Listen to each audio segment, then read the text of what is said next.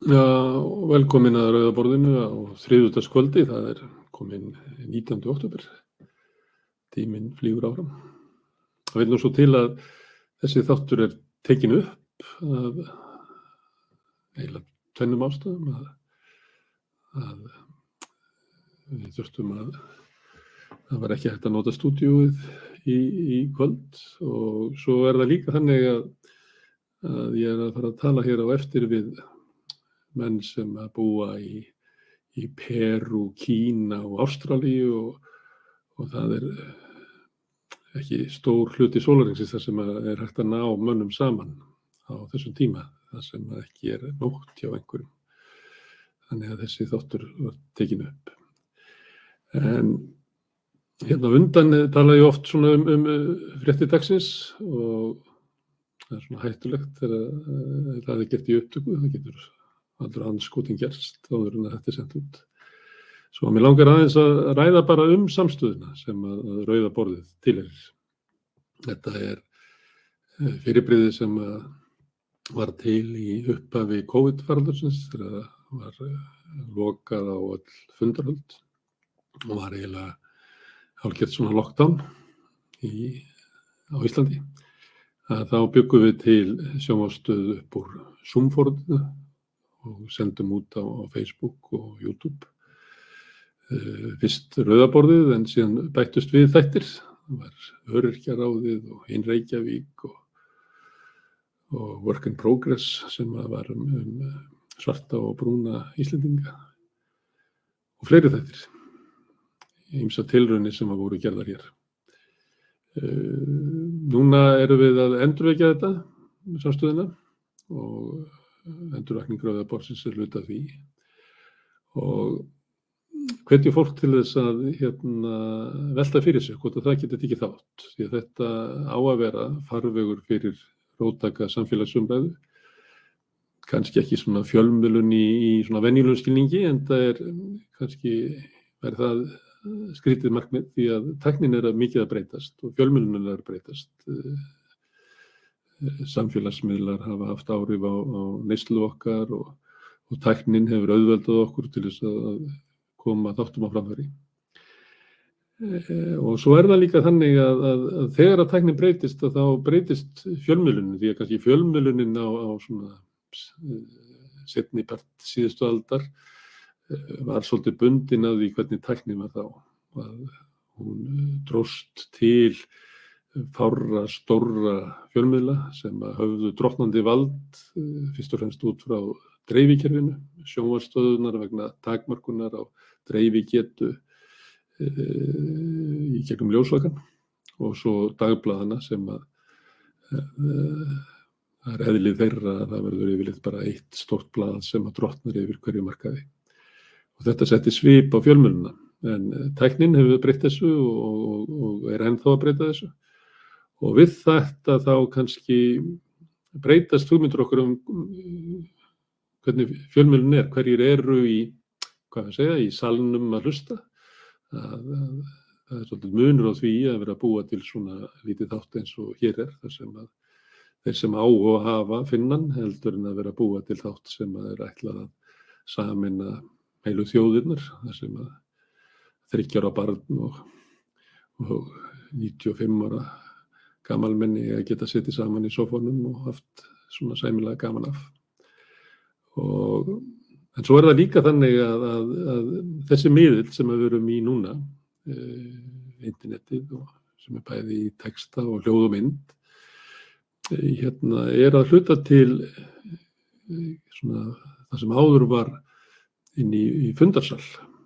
Þetta er svona félagsrými sem að, við notum til þess að byggja upp sósistaflokkin en líka leyendasamtök og alls konar uh, félög og, ná sama fólki. Uh, það sem kannski áður var bara gert í, í salnum íðin og er núna gert í internetinu. Þannig að það sem hér fyrir fram er svona eitthvað sem er á mörgum þess að vera fjölmjölun en gæti líka allt eins verið fundur og eins og þeir kannski sem hafi fylgst með rauðaborðinu vitið að að sumt af því sem hér er er svona eiginlega bara fundur sem er settur uh, í gang hérna við rauðaborðið.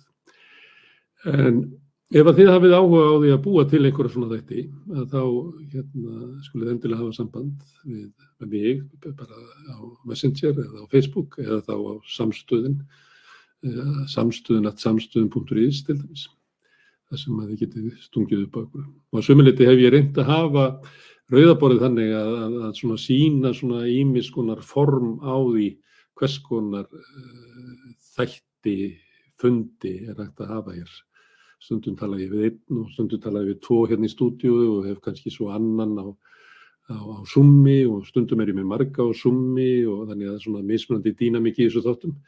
Um, Sumuleit er ég að þrefa mig áfram persónulega en en að sumuleit er ég að sína, svona, sína fólki að hvað er hægt að gera og hvernig getur þess að gera. En ef að þið viljið ekki taka, búa til þetta sjálf eða vera viðmælendur hér eða eitthvað slíkt, að þá getið líka stutt hérna samstöðina með því að ganga í alþjóðufélagið sem uh, stýður daskrána hér. Markmið er það að þeir peningar sem eru greittið þar inn fari í því að greiða fólki sem sér um þætti hér, greiða fyrir efnið. Uh, hinga til hefur samstöðin borgað tæki sem við höfum gift, myndavelar og fleira sem við höfum þurft að, að hérna, raða saman það sé nú ekki kannski glæsilegt stúdíu við okkur, þetta er svona smíðað úr ymsu dóti, gömlu dóti og einhver leiti nýju inn, innanum. En markmiði til lengri tíma er að, að, að peningarnir sem að fara inn í samstöðuna sem að þið leggja til, að, þeir renni til þess að greiða fólki sem að býrti dagskrá fyrir ykkur. Og til þess að vera meðlumir í alþjóðfélaginu, þá er best að fara inn á samstöðin.is og þar er þetta skrá sig sem félaga.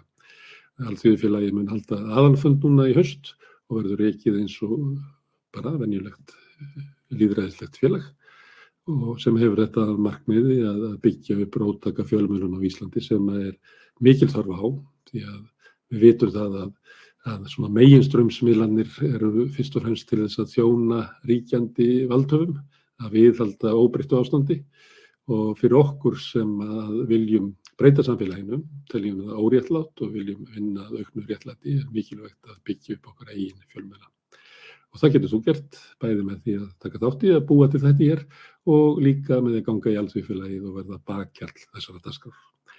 En hér eftir augnablík að þá ætla ég að reyna að ná sambandi við menn í, í Peru, Kína og Ástralíu og fara svona smá ringferð um heiminn og heyra hljóðið í fólki sem býr í löndu sem við kannski heyrum ekki allt og mikið frá svona dagstæðlega en það sem að lífið er mjög spennandi.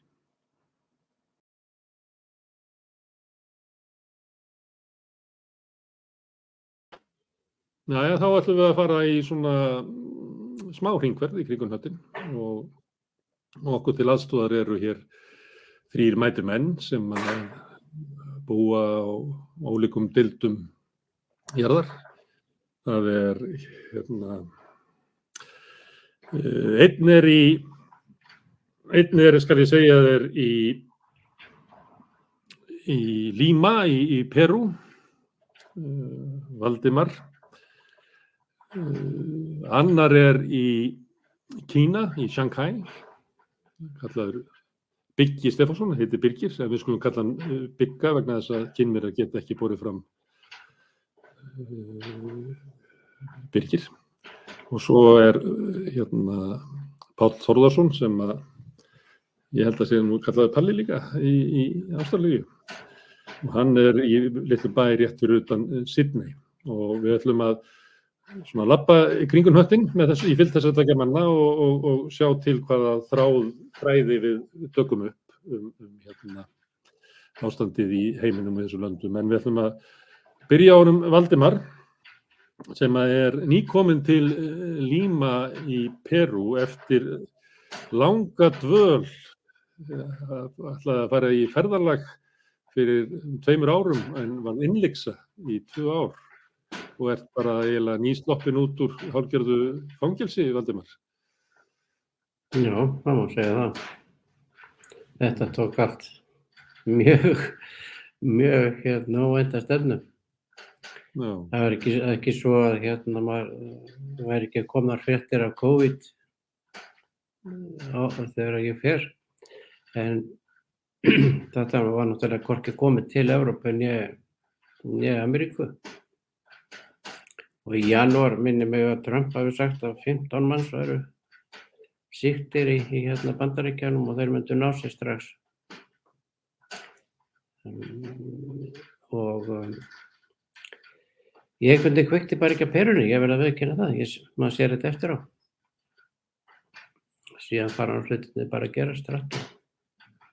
Smitt fara að berast og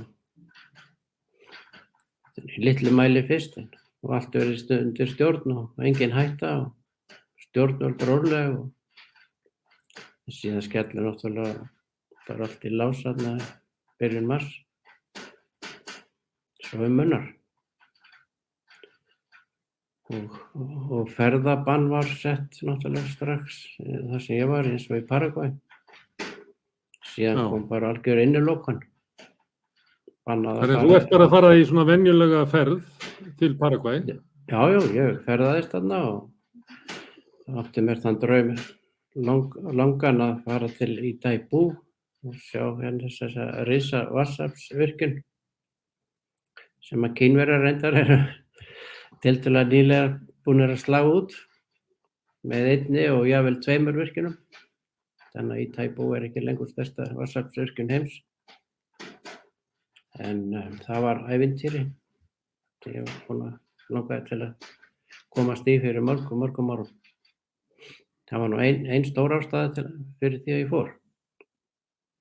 En þú, og, þú, þú ert síðan bara innilókar þarna hvað frá því í mars í fyrra já. sem er þá, ég hvað er margir mann, þetta er meira en eitt og halvt ár, þetta er Já, já, þetta er náttúrulega, jú, jú, ég hérna sá fram á það að maður var að vona að þetta færi nú kannski að leysast með vorinu eða haustinu náttúrulega eins og við erum hér en uh, náttúrulega við vittum hvernig þetta hefur þróast síðan á heimsvísu þannig að það náttúrulega gerist ekki ef ég leiði íbúð síðan og byrjaði að ég reyna að möbla hana þessu upp því að kaupa sér svona helstu heimilistæki og hérna múið bara býða þetta af sér sjá til. Látið hverjum degi næði sína þjóningu. En þetta er eins og að raunverulega sitja í fangilsi, þetta lítur að hafa haft bara tölurverð áhrif á þig. Upplifur það að... Hérna... Já, ég upplifur það sko heiklaust og ekki, engin, hérna, ekkert mál að viðkynna það. Ég tek þetta bara þannig að sérstaklega þegar það fyrir að líða á að hérna hugsa bara um hvern dag fyrir sig bara alls ekki lengra. Maður var náttúrulega að reyna að skoða ferðamöguleika og svona en þetta var gjörsamlega ótilokka sko. Alveg sama hvernig ég hefði viljað ferðast. Ég hefði aldrei komist til Európa-einsinni og hvað þá innan Európa þannig að hérna maður hefði þurfti ekki taka kannski einar fjóra, fimm fjögur, fimm mismunandi flug og, og hérna það segir sér sjálft að maður hefði aldrei komist á leðar en það með þeim millilendingum. Fjarlöfin hefði verið farin á hausin eða flugi aflist eða reglum breytt eða það var bara ekkert. Það var bara einfallega ekki hægt en það var ekkert flugið. Það getur víst í fyrir okkur sem að höfum ekki lendi í þessu sko, hvaða árið þetta hefur á, á, á, á fólk. Verður svona hverfur einbyttingin eh, verður svona, hefur þetta svona áhrif á svona, svona eh, sjálfsmyndina og, og svona vitundina eða hvað? Já, þegar að líða til, já, ég skil gátt við, það er hérna, ég lýsi náttúrulega eigin reynslu og þeim sem voru í kringum mig. Uh, fólk sem var í vinnu, það var sendt heim, það, var, það er náttúrulega var eitt og um, því fylgdi launalessi náttúrulega hjá stóru hluta fólks, ríkistarsmenn reyndar voru hafa fengið, fengið greiðslur. En mérstu tíði það er náttúrulega fólk fólk hérna náttúrulega mjög samþjapað í húsnæði og, og þetta svona þrengir af fólki og eins þetta með ekki fara út það voru margi mánir þar sem að hérna einn fjölskyldum meðlumur mátti fara til dæmis á Vesla og þá mátti ekki fara á bílum þannig að það var umgöngu að ferðast með legubílum og þá einn bara fjölskyldum meðlumur, hann fór á Veslaði mátti fara í apotek og í stórmarkað og ef hann hérna var óhæppinn þá var hann sóttur í sjúkrabíl og hlutur á sjúkrahús. Þannig að hérna, það, þetta var, voru einu ferðirnar og fólk er alveg að vera bara ekkert út á göttum einu sinni sko. En hversu alvarleg var uh, hérna farsóttin? Voru margir sem að dóu, margir veikir, hrundi helbriðskerfið? Já, það sko, það hrundi og það hefur runni hrunið í, í, hérna, í þessum ríkjum flestum sko. Það er afstætt hvað við viljum kalla hrunin. En ég held að það hljóta með að teljast hrun þegar sjúkrahús og, og, og, og hjálpastofnarnir geta ekki tekið við veiku fólki og því er vísa frá. Sko. Og þá er, ekki, þá er það hrunið. Sko. Annað sem að kom upp náttúrulega fljótlega var súröfnis, eða skortur á súröfni og það var var stórmáli í Paraguay til dæmis, það var það ekki einni í Peru líka, Brasilíu meira átt af vandamál. Og hérna kynverjar, þeir koma nú það voru betri en engir í, í því, sendu sendu hérna til dæmis súröfnisvélar sem framleiða bara súröfni Það er náttúrulega miklu betri lausn en að vera með þetta á kútum sem að tæmast og, og síðan ekki hægt að fylla nema eftir langa byggð. Þannig að hérna, kostnaður, það er nú eitt sem að má ekki gleyma í enga regnu helbriðiskerfi sem að er ráðandi í álfunni. Það er tvefald kerfi reyndar. Annað er fjársvelt og lamað, það er því ópebera. Hinn er hérna borga, borga sig áfram en fyrir gríðarlega fjárhæður og þær eru ótrúlegar. Fólk varð að selja og afna sér alveg umörp til þess að, að bjarga ástöðunum fyrir, bara fyrir, í, í súröfniskaup og, og hérna lífakaup og, og meðferð. Þannig að, að koronafaraldurinn hann hefur haft mikil áhrif í, í Suður Ameríku og mun líklega halda áfram að hafa mikil áhrif bara pólitíst og hugmyndir Já. fólks um, um uppbyggingu samfélagsins. Og þetta er alls ekki búið hér sko. Þetta er alls ekki gengið um garð. Það er hérna að hafa gengið hér yfir en að tvær, tvær bylgjur, það er ekki fleiri, en þær eru mjög langar. Og hérna núna er eins og í Paraguay og sem ég minnist náttúrulega það, þá er sem sagt bylgja 2, hún er eiginlega alveg gengið niður. Það, tel, menn telja 1, 2, 3 látna á dag í dag. Í dag.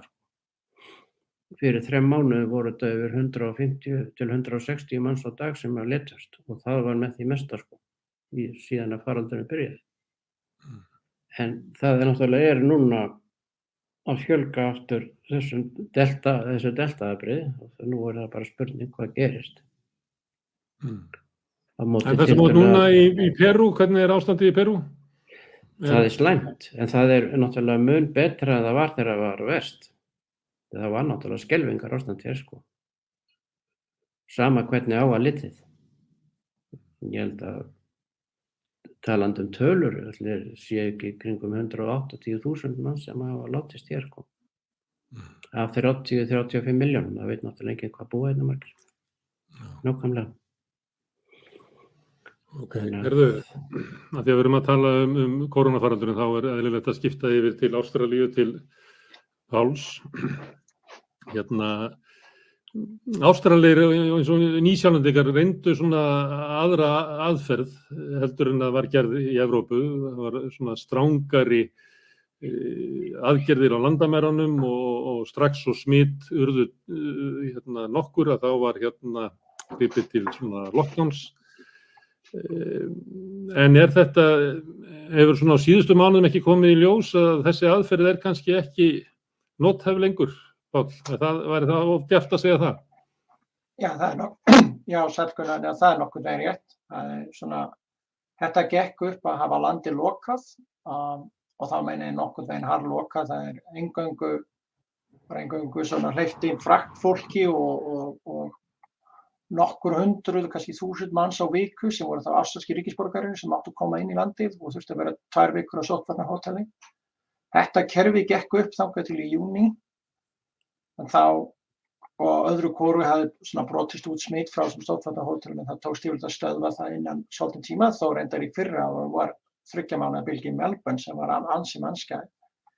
Og þeir náðu henni í nógur en svo kom kappa með hérna delta afbreyðu síðan í júni hérna í Sydney og og upphafi Það má alltaf deilin um það hvort það hefði getið að fara aðeins harðar í fyrst. Ég hefði sko stjórnfjöld hérna í Sydney í Nýsjáðsfylki, þau fóru alltaf svolítið öðruvísi í hlutina en það annars þar, aðeins mildara. En sama hafa farið í lockdown hérna innan, innan viku eftir að Delta kom og kom bara fljótt til ljós að það virkaði ekki. Það virkaði því leiti en það kom í vekk fyrir mikið manntjón Og það sem það gerst líka hérna í Ástralíu er það að, að alríkistjórnin hafi gjörsanlega klúrað á síðustu ári hérna að við vorum langt á eftir í júni öðrum vestrænum þjóðum um sandi bólöfni með hérna bólusetningar. Þannig að þegar bylgjan byrjaði hérna í sítni í júni þá var ekki nema kannski 20% af, af, af, af íbúðum sítni sem voru bólusettir.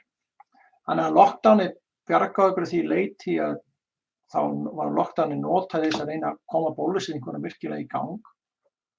Og um, en samt þá komi hérna í byrjun september yfir þúsund tilfell á dag og 10-20 dóðsfell á dag.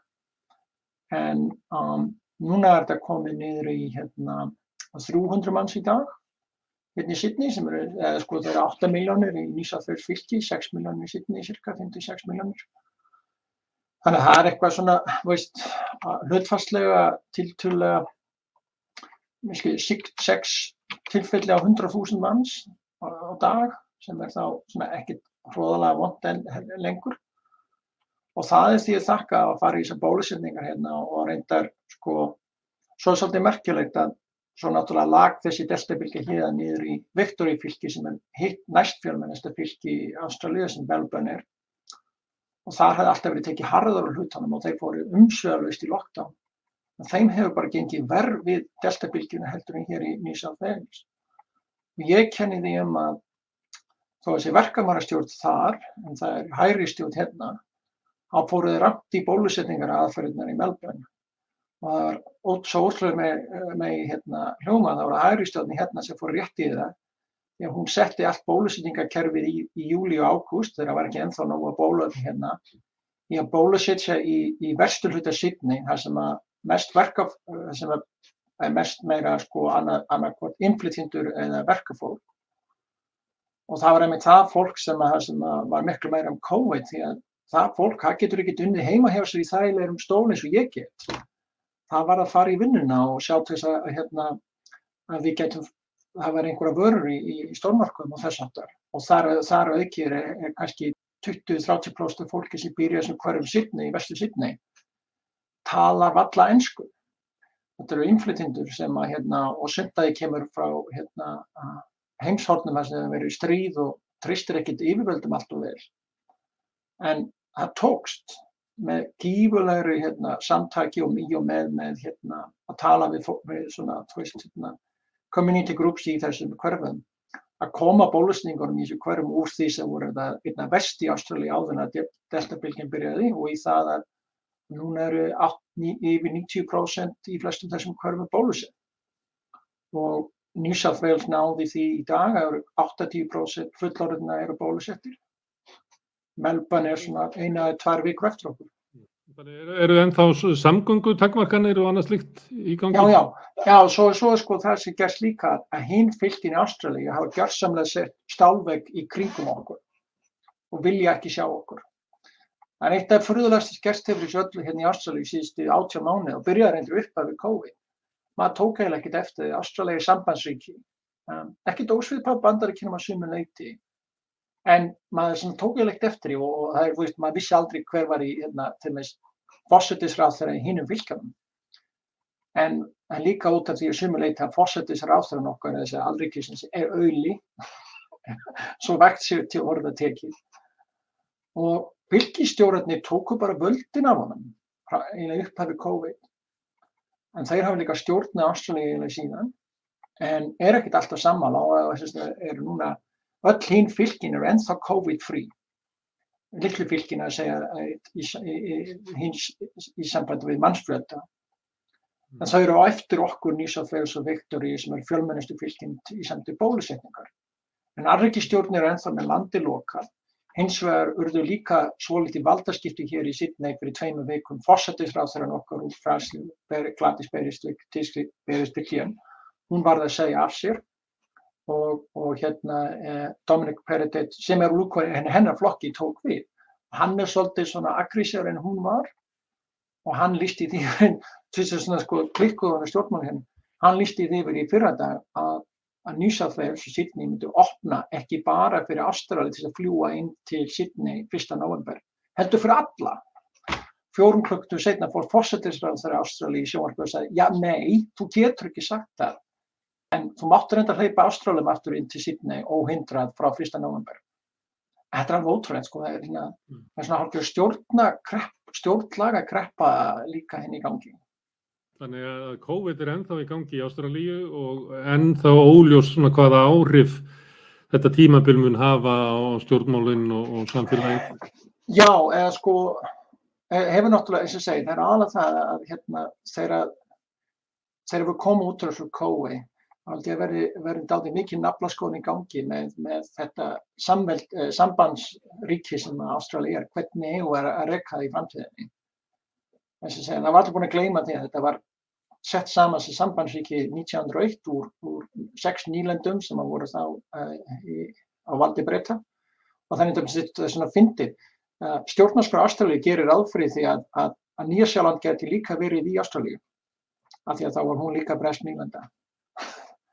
Og vestru Ástralíu reyndar ætluði ekki að vera með í upphæfu og 1934 þá sögðu þessi nánast út úr uh, samveldunum, ástralska samveldunum og vestur Ástralíu hefur reynda verið mest aggressív stjálfsynmáni með það að einagra sig frá restinu af Ástralíu og, og eru nánast komur aftur í þennan, þú veist, kýra að eigum við bara að fara út úr samveldinu. Ég held að ég fari nú ekki samt, en að mun taka daldi langa tíma að, að græða öll þessi hérna, sár sem á orðinni því að líka verið daldi mikið svona rík, þetta er svona eins og repparígu nánast á milli fylgjana gegn COVID. Og þess að svo bæður ekki úr að hann er bara auðli greið sem að hann er fórsturraður hann ræður ekkert við það nýtt heldur. Hmm. hvort sem að fylgistjórun er hans flokki eða ekki, það skiptur yngum máli sko, eins og fylgistjórun hérna í Wales eru sama flokki og fórsturraður en samt hmm. fóruður í háaður yfirvildur um það ekki aðeins hvort það væri búið að opna New South Wales fyrir alheiminum eða bara fyrir Ástrala en ég held sko að hann stefni, hann áða nú greið skott, hann á það einni, kannski að hann á líklega rétt fyrir þess að um verður hlut, verða hlutinni kannski farin að komast í eðlert horf. Í að minnsta hérna í þessum Viktori og Nýsatvegar stóru fylgjum hérna sem eru búin að fara í gegnum sem delta-bylgu og eru komið með bólusetningar upp í 80%. Kannski verða hinn fylgjum uh, og einhver tíman verða þau að fá að hleypa COVID inn. Það er svona rétt eins og maður sé líka hérna Nýjasjálandi, þeir eru raun og búin að gefa stöðu, þeir eru hætti við þessan nótstefnu en þeir eru líka búin að vera loksist koma sínum bólustöndum í laga á síðustu vikum.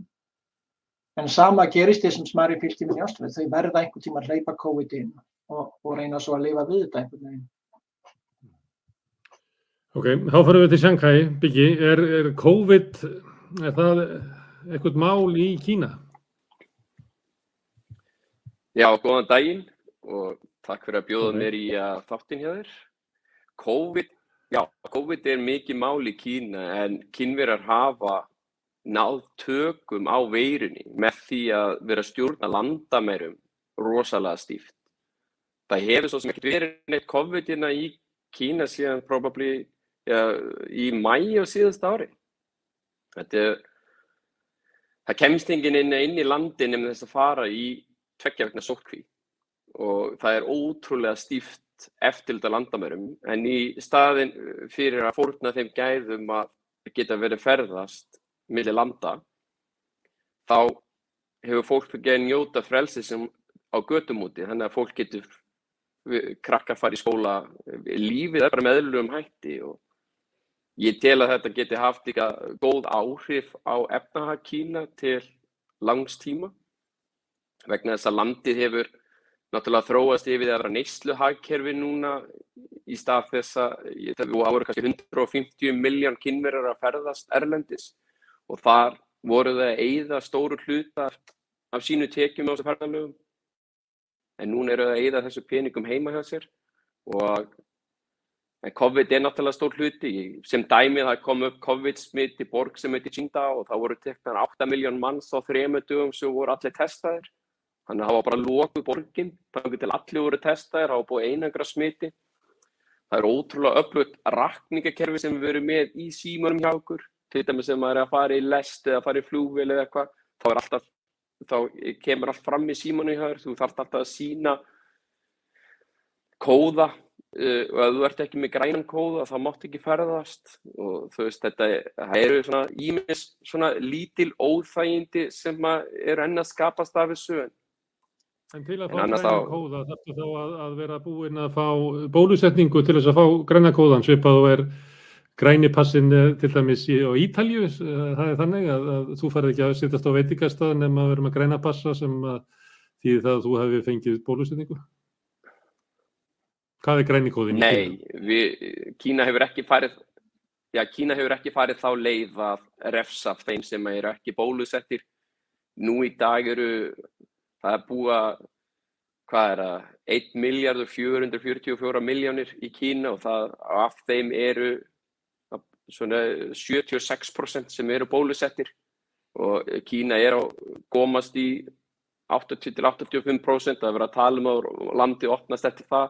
En til þess að fá henn að græna kóða þá þýðir það að þú hefur ekki verið á neinu svæði sem að koma upp smið þá er bara að tekið radius á vissu svæði að kemur upp smið þá getur þú fengið uh, rauðan kóða og þá þarftu bara að færa í test. En testin hérna eru náttúrulega algjör snill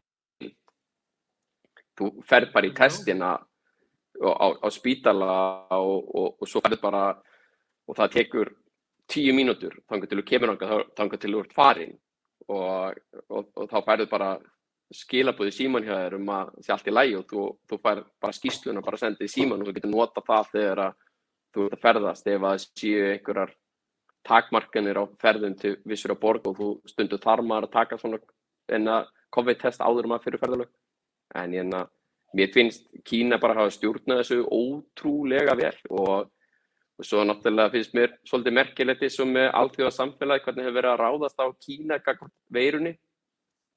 Og uh, samsæriskenningar, ég sá að þú varst nú með þáttum samsæriskenningar innu daginn og uh, einn samsæriskenning er að kynverar hafi búið þetta til og, og, og, og sleppt út veirunni, ég, meina, veist, ég veit ekki neina þjóð sem fara að sleppa út veiru í bakgrannum heima á sér og Já, menn hafa fylgst með fréttum inna sem gerist inna í janúar, februar, mass og staða, hvernig staðan var í Wuhan og hvaða fórnir Kína lagði á sig til að ná tökum á veirinni. Það finnst mér að vera svona nokkuð langsótt. Ég finnst bara ótrúlega flott að sjá samstöðu hérna almenningsstjórnvalda og, og, og fyrirtæki að hvernig menn hafa náða ná tökum á veirinni. Þetta er ekkert kannski ólíkt því sem er á Íslandi. Mér finnst að menn hafa saminast í, í, í þessu á Íslandi til að berjast gegn veirunni og, og treyst óttvartar yfirvöldu fyrir þessu. Það er svona sama og er bara hérna. Mm. Það, eh, eins og þú lýsir sko aðgerðunum í, í Kína þá eru það eiginlega eins og ástralir reyndu en er munir þá bara að, að kynverjum hefur tekist að hafa að loku landamæri og, og til þess að venda hérna, sem eðlilegasta líf innan landamærana sem að, að ástrólum eiginlega tókst ekki eða mistu tökinn á mitt sömur og nýsjálfendir hafa gefist upp á. Hver er munurinn? Akkur gengur þetta í Kína en ekki í þessu landum? Kannt þú að lesa það úr því byggji?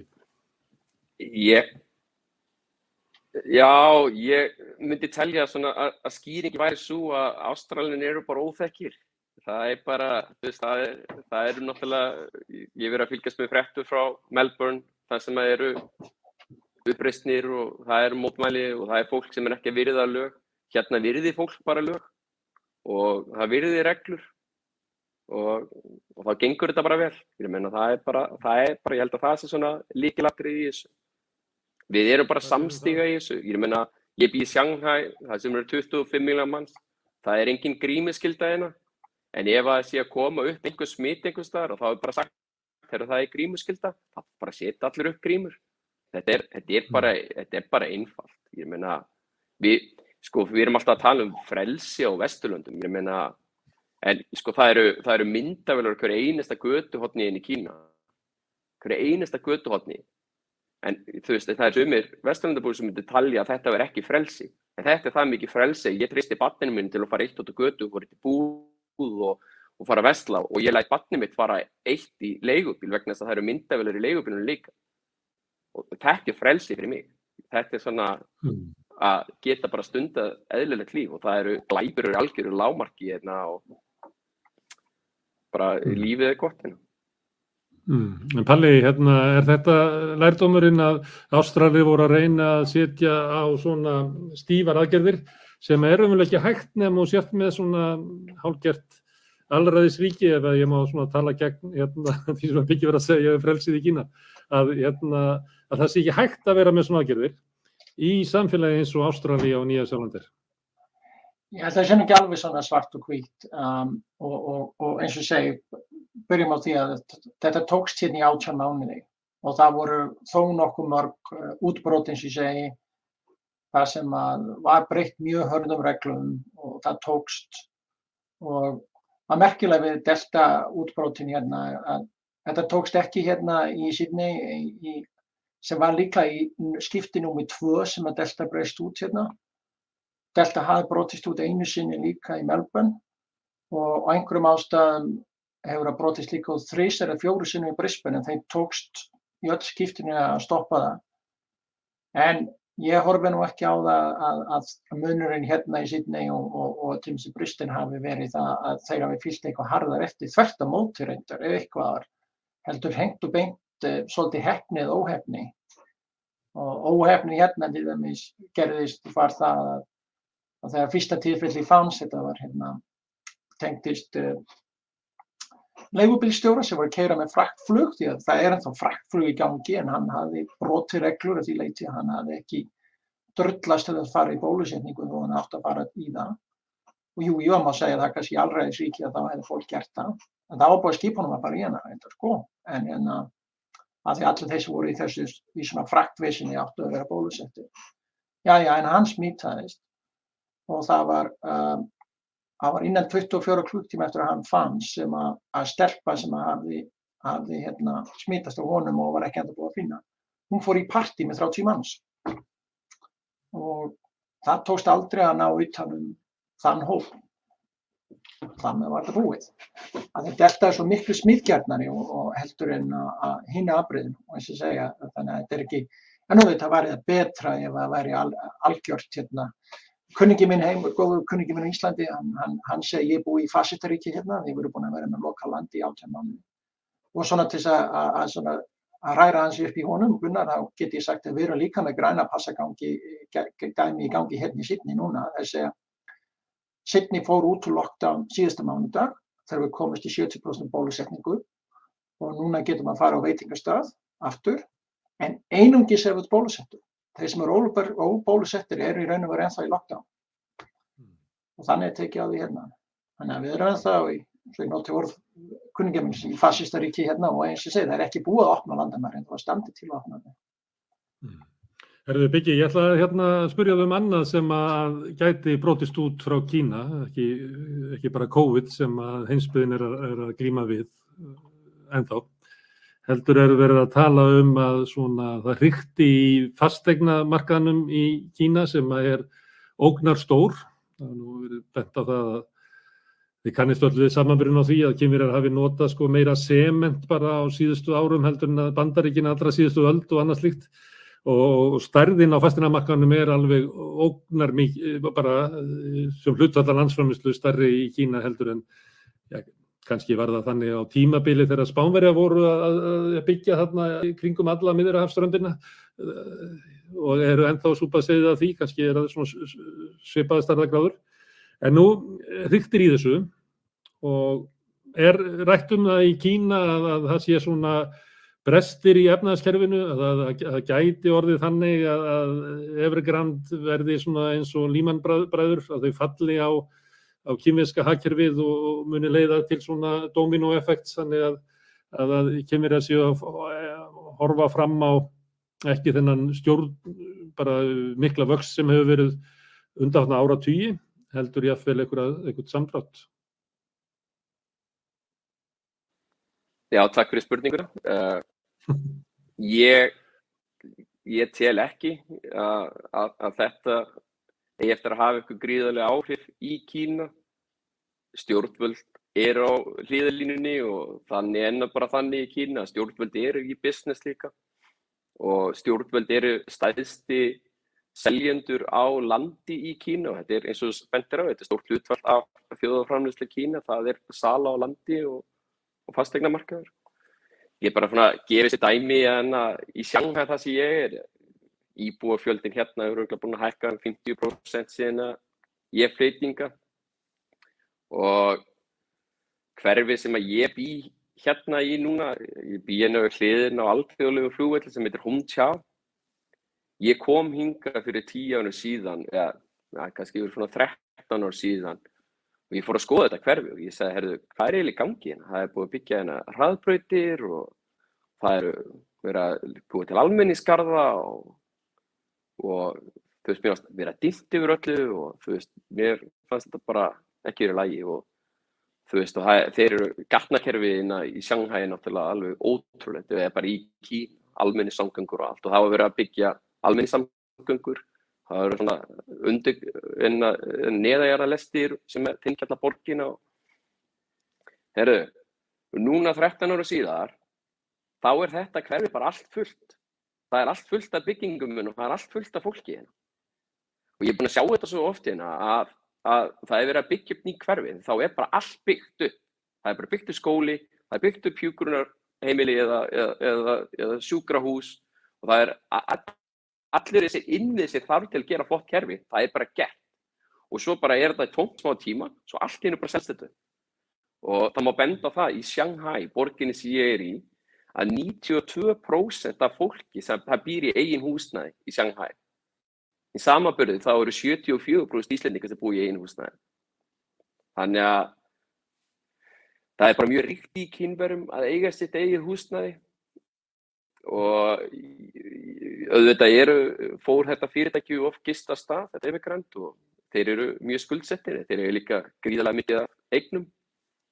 Það má náttúrulega líka segja að að COVID hafi náttúrulega líka komið inn í þetta vegna þess að, að fólk fór minna út í, á veitikastæði, var að vinna meira heima, þannig að þeir eru náttúrulega mikið að skrifstofu húsnaði og, og, og byggingum, þannig að það hefur haft einhver áhrif á COVID-tímabilinu, þannig að ég, ég er ekki að fara að sjá hrun í Kína, ég meina, skoða bara en skuldir Kína þjóða, af, af þjóðaframleyslu, það er að 54% og það er enda frekar lágt miða við eh, samanbyrða þjóði, ég meina, ég man ekki hvað Japan er í, ég meina, það er 200-300%, ég meina, nei, ég er ekki að fara að sjá, ég sko, einhvern veginn, ég ætla bara að segja það, að ég er búin að vera inn í tæp 17 ár og það er búin að vera að segja við mig að Kína segja að fara að hrinja, þú veist, að hverju einasta ári og margóft og þú veist, það er ekki ennþá hrunið.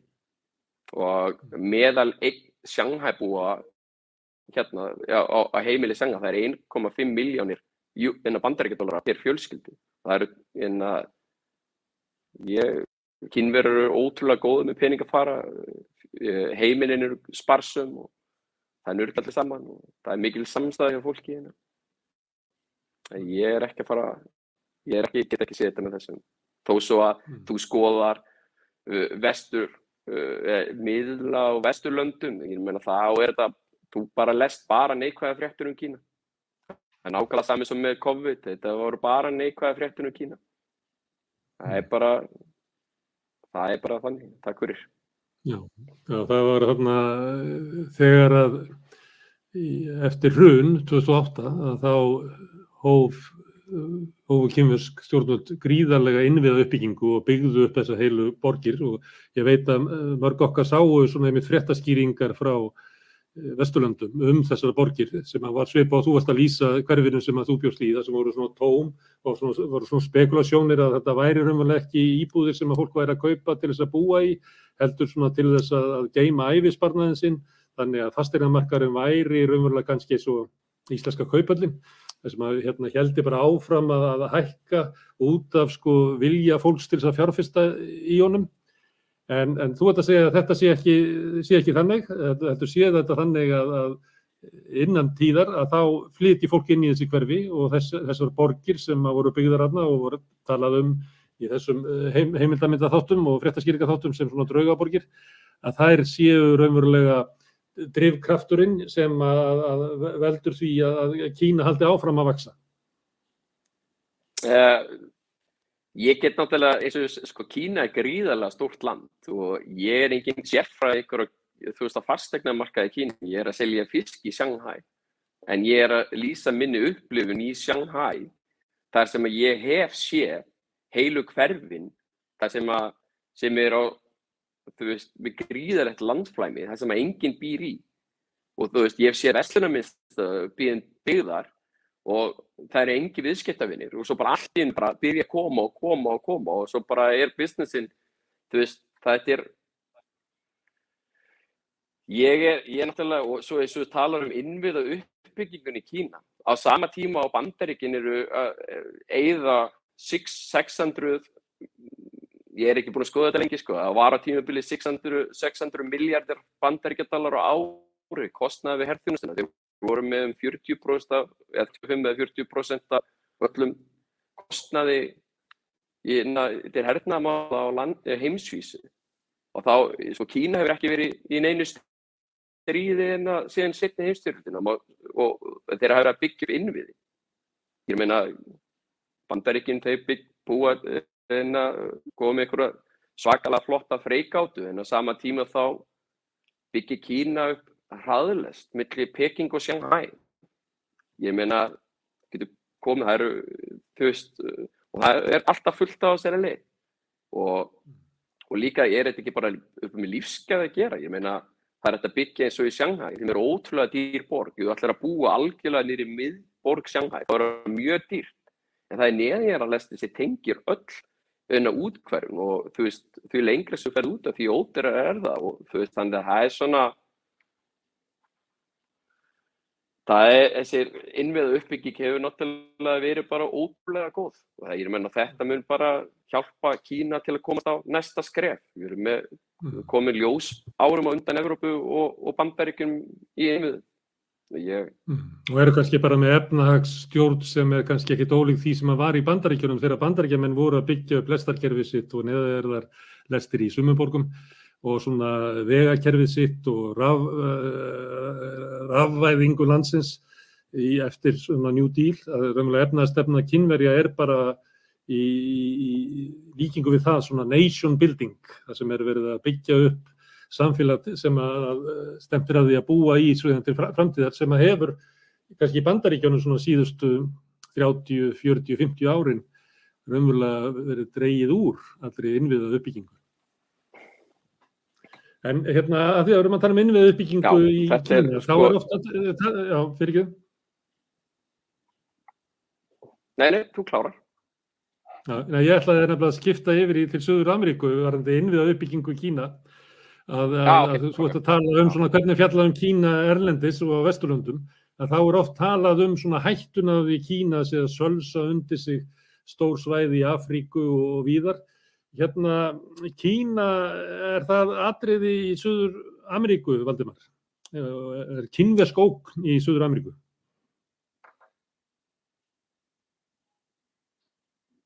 Það er út á mút, þú verður að taka, setja hljóðið á. Já, byrja, það er komið nú. Það komið nú. Já, það er hérna, náttúrulega minnst tvær hliðar á því og tvær, minnst tvær, tvær skoðanir á því líka.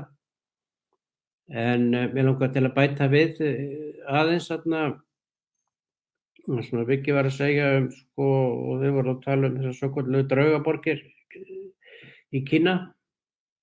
Ég er engin Kína sérfræðingur, ég hef náttúrulega fylgst með þessu frá gammalli tíð. En það er náttúrulega verðt að bæta við að það er pólitísk stefna reynlega að, að hérna, byggja upp eh, náttúrulega innviði á og þar með húsnæði.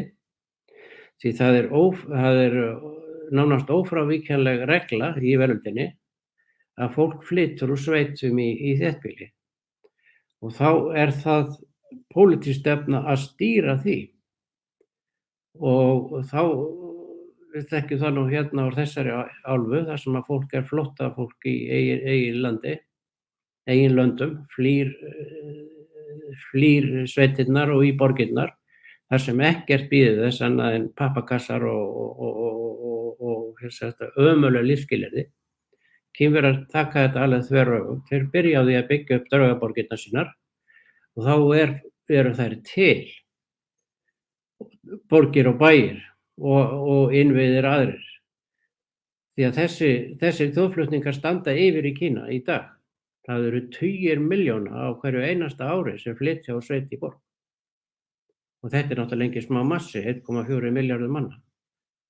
Og ég veit að það er spáð, ég man ekki hvað, eftir einn 20 ári viðbót, þá verði e, vel yfir 70% kynverja búsettir í borgum og bæjum, og eða meira. En þá er líka búið að byggja púsnaði fyrir þetta fólk. Hér er það ekki þannig, það er auðvitað. Hér flýr fólk og flyttur og flyttur að, og kemur ekki neinu ekki nokkur sköpun hlut, hvorki vinnu nýja húsnæði, neinum innviðum, engri helbriðsjónustu og engu.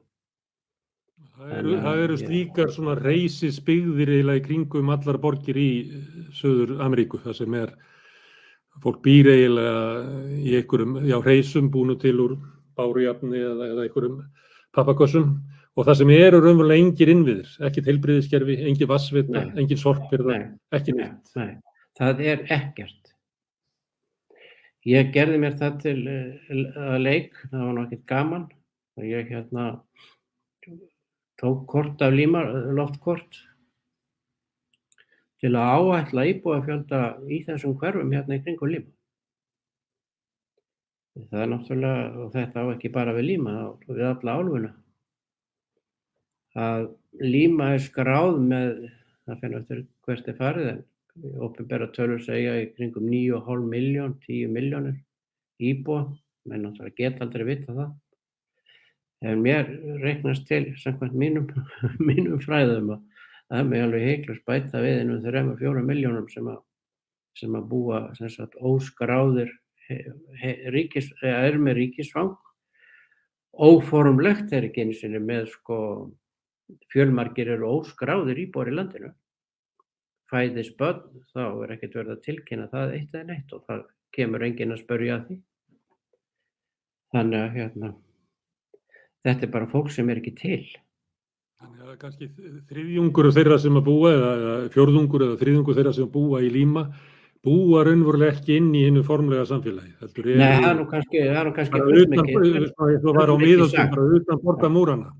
Já, þetta er svona, það er nú fullmikið sagt að sé nú kannski svo hátt hlutvall en En ég myndi alveg heikla skjóta þetta 15-20% sem er svona mjög, mjög gróft. Þó að það hafi nú skánað skráningakerfið smá saman en, en fólksflottin heldur áfram utan á landi og, og það, fólk kemur að, að sama aðstöðlesinu. En þessi hverfi eru svo hagalega hérna, laurugla fer ekki tann inn sko og það fer enginn tann inn. Mm. En ég var að spurja um gulu hættuna. Er, er það þannig eins og er talað um ofta á Vesturlöndum, mikið talað um í Afríku, um svona að kynverja séu að seila sig inn í grunnviða uppbyggingu, leggja vegi, vassarpsvirkjanir og annað slíkt til þess að... Já, þetta er náttúrulega pólitísk stöð. Já, menn taka pólitísk afstöð. Það er, hægrið er mjög varkárt og ég vil neyta samskiptum við Kína. Peru enn og í þeirri frábæru stöðu landfræðilega að geta verið svona orðið höpp á góður íslensku hérna Suður Ameríku við Kirrahafið og það er verið að byggja upp reysahafnir, vöruhafnir hérna. Það er náttúrulega höfnin í Gæjá sem er hafnaborg Lima. Það er verið að stækka hana stórlega og það er verið að byggja aðra höfn þar norðan við, Shanghai. Þetta, verða, þetta eru fyrst og fremst hafnir sem að eins og Shanghai, hún verður hérna fyrst og fremst vöruhöfn fyrir, fyrir kínvarsk verslum við Kína og síðan eru það játbrutalækningar og, og, og vegalækningar og yfir Andesfjörl eða gegnum Andesfjörlir reyndar til Brasilíu og til, til hérna síðan til söðurs til Argentínu og Paraguay og, og hérna hann er að verslun frá Asíu stefnan er svo og það er langtíma stefnan og við vitum að það mun gerast að þetta fer meir og minna í gegnum Peru og þess vegna þetta heitamál hér. Hægri menn eru ekki hrifnir af þessu en ný ríkistjórn er þegar komin í mjög ákvæður viðræður við hérna, stjórnandi í Kína um, hérna, um vaksandi þáttöku í, í hérna, bæði hafnagerð og síðan uh, legningu lestakerfa og, og, og bara aukina vestlunar og það er mikil vestlun hérna á milliðin og hún bara vex hún bara vex og hérna, þetta verður ekkert stöðað svo lengi sem að hérna, mannana verkar og velræn þá, þá er þetta bara það sem að verður. Já, svo vitnið aftur til Afríku og þá var maður varfið það að, að e, mörgum fannst að vera sko þægilegra og auðveldara að eiga viðskipti við kynverja því að því fylgdi raunverulega minni farangur heldur en var þegar fólk var í viðskipti við gömlu nýlendu þjóðunar sem að e, litu á Afríku og líta á Afríku sem svona sitt áhrifasvæði og er alltaf að verja eigin hagsmunni og, og öllu, allri svona öllum viðskiptum og, og lánum og öðru slíku fylgir alls konar hvaðir og gröfur og meðan að, að kynvirjarnir gerðu bara svona viðskiptarlegar gröfur og það, það var eins og að væri að sömulítið var litið á kynvirjarna sem svona leið til þess að byggja upp svona sjálfstæðara samfélag að losna undan svona hefðbunna áhrifasvæði nýlenduveldana Suður Ameríka hefur náttúrulega, bandarækjumann hafa bara skilgrind það sem sinn bakgarð. Er það þá þannig að í Suður Ameríku að sko, aukin viðskipti við Kína séu svona, já, kannski svona skref í áttina við að losna undan því að vera eiginlega skilgrind sem hérna yfiráðasvæði bandaríkjana? Ég held að vinstir menn lengt og ljós gerir sjálfur grein fyrir því að hérna, þetta sé leið undan, undan ofurvaldi bandaríkjana en þannig að álvan er klófin og misklófin náttúrulega eftir hvað hérna hvað, hvers konar stjórnum sitja sitja uh, að völdum í, í hverju landi fyrir sig. En það eru náttúrulega ímið samtök hér eins og hérna samtök hérna Ameríkuríkja og, og það er hérna Salik og það eru sem sagt uh, Mercosur sem er svona vísir að Europasambandi og þetta skara, þessi samtök skarast og það eru, það eru náttúrulega deilur en menn held sínist mér eins og staðin er í dag með vinstri stjórnir, skulum kalla það það, eins og í Argentínu, Bólivíu, Venezuela, Peru núna og, og svo veitum við ekki hvað gerist í Chile núna í november. Ég er ekki björnsýttir endar á að vinstri menn vinni þær fórstakostningar en hver veit. Nú Brasilia er náttúrulega innan seilingar því að ekki verður Bolsonaro endur kjörun. Mikla líkur á því að Lula verði næsti fórseti ef, ef hann, þegar hann ákveður að bjóða sér fram.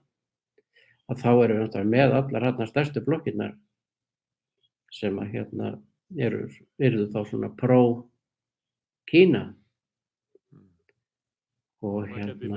Það getur breytt álfunni mikið?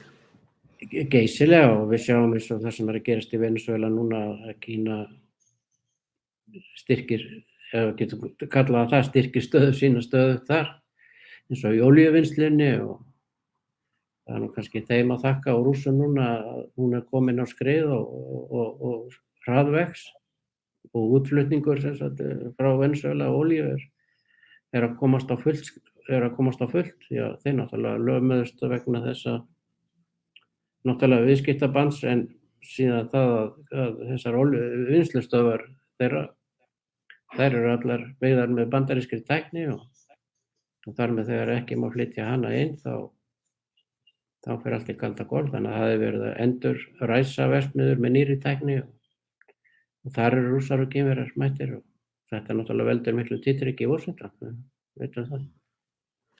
Herðu, en í, í Ástralíu þar er hérna alltaf svona einhvern svona tótt og svona ákveðin svona ótti gagvart eh, hérna vext í Kína. Já og nei, ég meina sko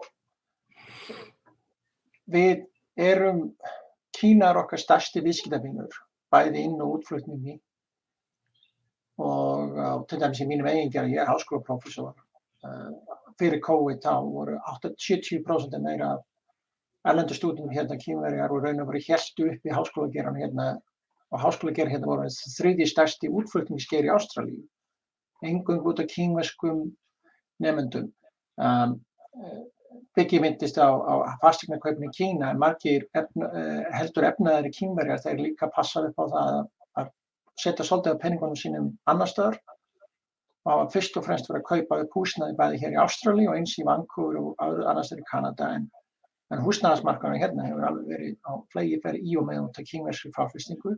Kínverðar eiga meira land í Ástrali heldur nokkur annar annað erlend ríki. Það verið að kaupa upp landbúnaða land hér og þar og allstaðar.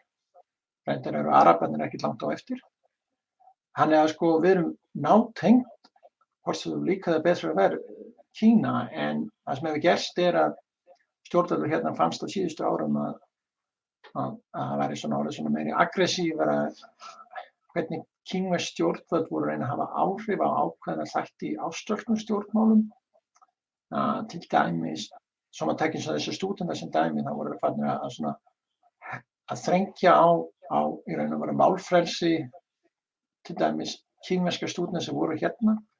Það er svona minnháttamáli eða svona, svona kannski en, en og svo einnig svona ásakunir um cybercrimes eða árasir frá kímurum á ástralsk stjórnvörð en uh, á móti kemur að Ástralja hafa í auknum mæli verið að, að þá að svona fylgja bandaríkanum eftir.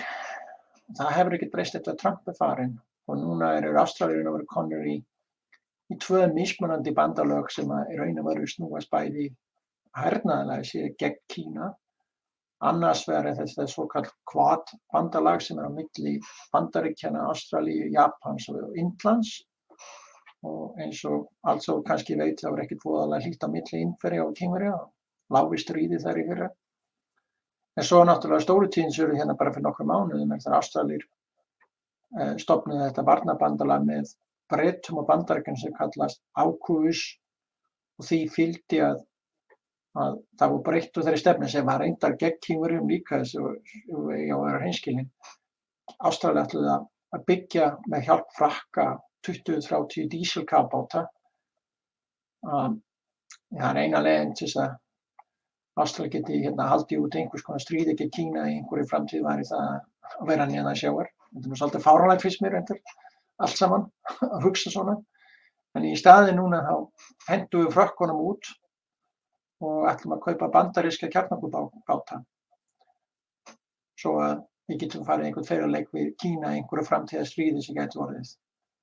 Þannig svoleiðis anstæðis eins og núna. Það er svona, við erum ennþá og munum halda áfram og ég held að Kímur er sjá það líka. Það þurfa ástrálsku uh, kólum og játni og þess að það halda og, og það er gríðarlega sterk viðskiptatengst millir landana og mikið af kýmurinn sem búa hérna þannig að ég held nú að þetta farir nú ekki dýpla á endanum en, en það er svona svolítið kallstríð í gangi eins og er.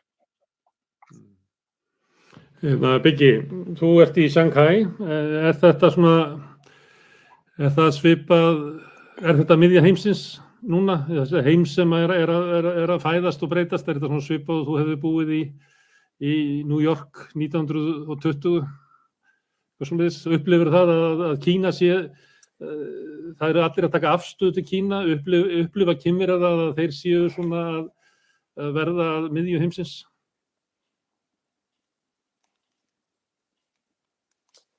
Já, ég bara, yfir höfu þá eru bara kynverar ótrúlega stoltir af sínum uppbrunna, alveg sama hvort að það séu kynverar sem búið í Ástralíu eða einhvers þar annars það. Þeir eru með, já þeir eru ótrúlega stoltir af sínu landi og ég, ég meina uppganga Kína hefur náttúrulega verið gríðalegur og, og ég tek undir að með samskipti við Ástralíu og Kína, það hafa alltaf verið ótrúlega bara nokkuð góð samskipti um milli landana og Kína var til dæmis að flytja inn held 96% af öllum humri frá humri frá hérna Ástralíu. 35% af nautakjöti þeir voru staðisti innflöndindi af víni ég meina Kína var að flytja inn 35% af öllum útflöndinni ekki Ástralíu þannig að þetta er og, og sama tíma var að þá voru okkur 4% minni mig hvort það hefði verið af, af innflöndinni í Kína sem voru að koma frá Ástralíu. Ég er ekki alveg viss um þá tölu að mun læri tala. Og eins og bent á hérna áður samvættu við nefnendur í ástralskum háskólum og en ja, Kína er náttúrulega er Kína er heldur ekkert rosalega mikið að þröngva svona sínum skóðurum upp á aðra þjóðir. Þetta er svona eins og með bandaríkjumenn. Ég meina þeir eru að alltaf að reyna að þröngva sínum skóðurum upp á aðra þjóðir. Þess að við sér þessu í Ástralju.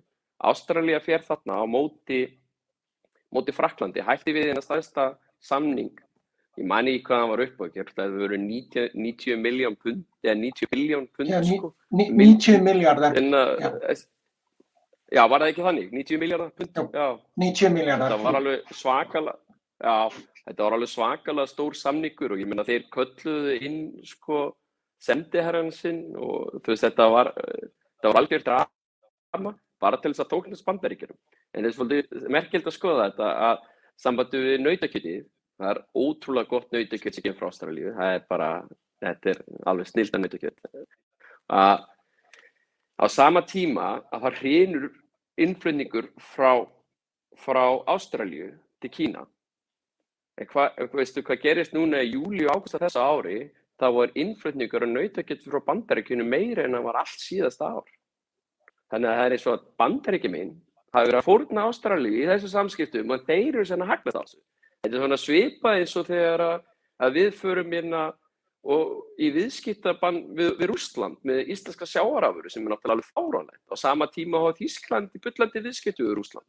Og, en við ætlum að standa okkar plikt og við fundist svona Ástralía hérna landfræðilega sé þá er Ástralía og Kína mjög nála hver öðru og ég hefði viljað sjá aðeins svona sjá Ástralíu reyna að, að búa til hérna, svona betra samband millir ríkina en ég, veit, ég get líka tekið undir það að Kína hef, hefur náttúrulega líka verið kannski með svona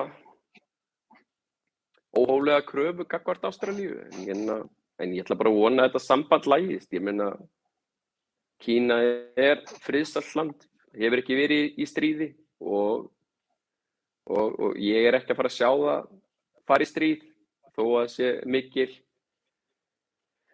mikið, hvað maður að segja, svona en að Það er einhvers konar tension í gangi. Í söðu Kína, já, tension í gangi sko, en ég er ekki að fara að sjá Ástralju og Kína fara í stríð sko. Ég, ég er ekki að fara að sjá það fyrir mig sko. Ég er samanlega því byggi og ég reynda sko, ég held En þetta eru vina þjóðir.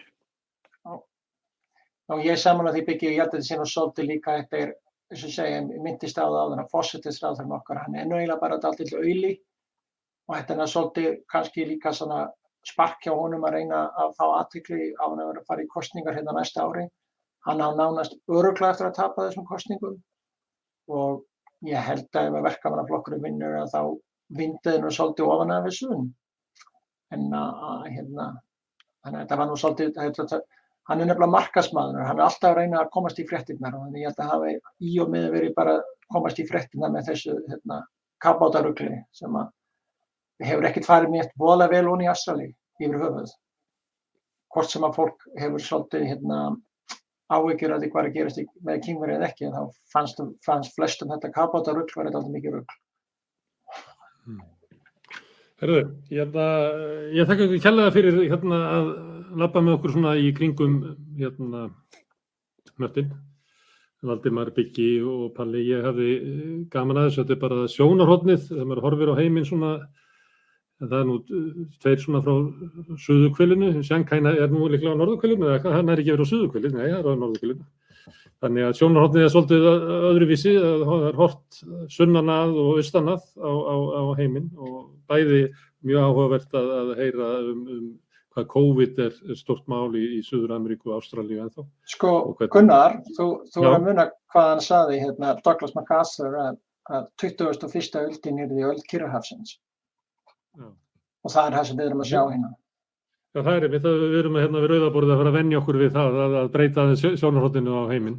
En hérna, það er líka gaman að það voru persónasögur sem kom inn í þetta og, og mjög áhugaverð samtal og ég vona að ég hitt ykkur aftur hérna við rauðaborðið því að við munum hérna reglulega fara í svona ferðir um, um, um, um, um nöttin og, og spjalla við fólk í fjarlægari fylgdum jarðar.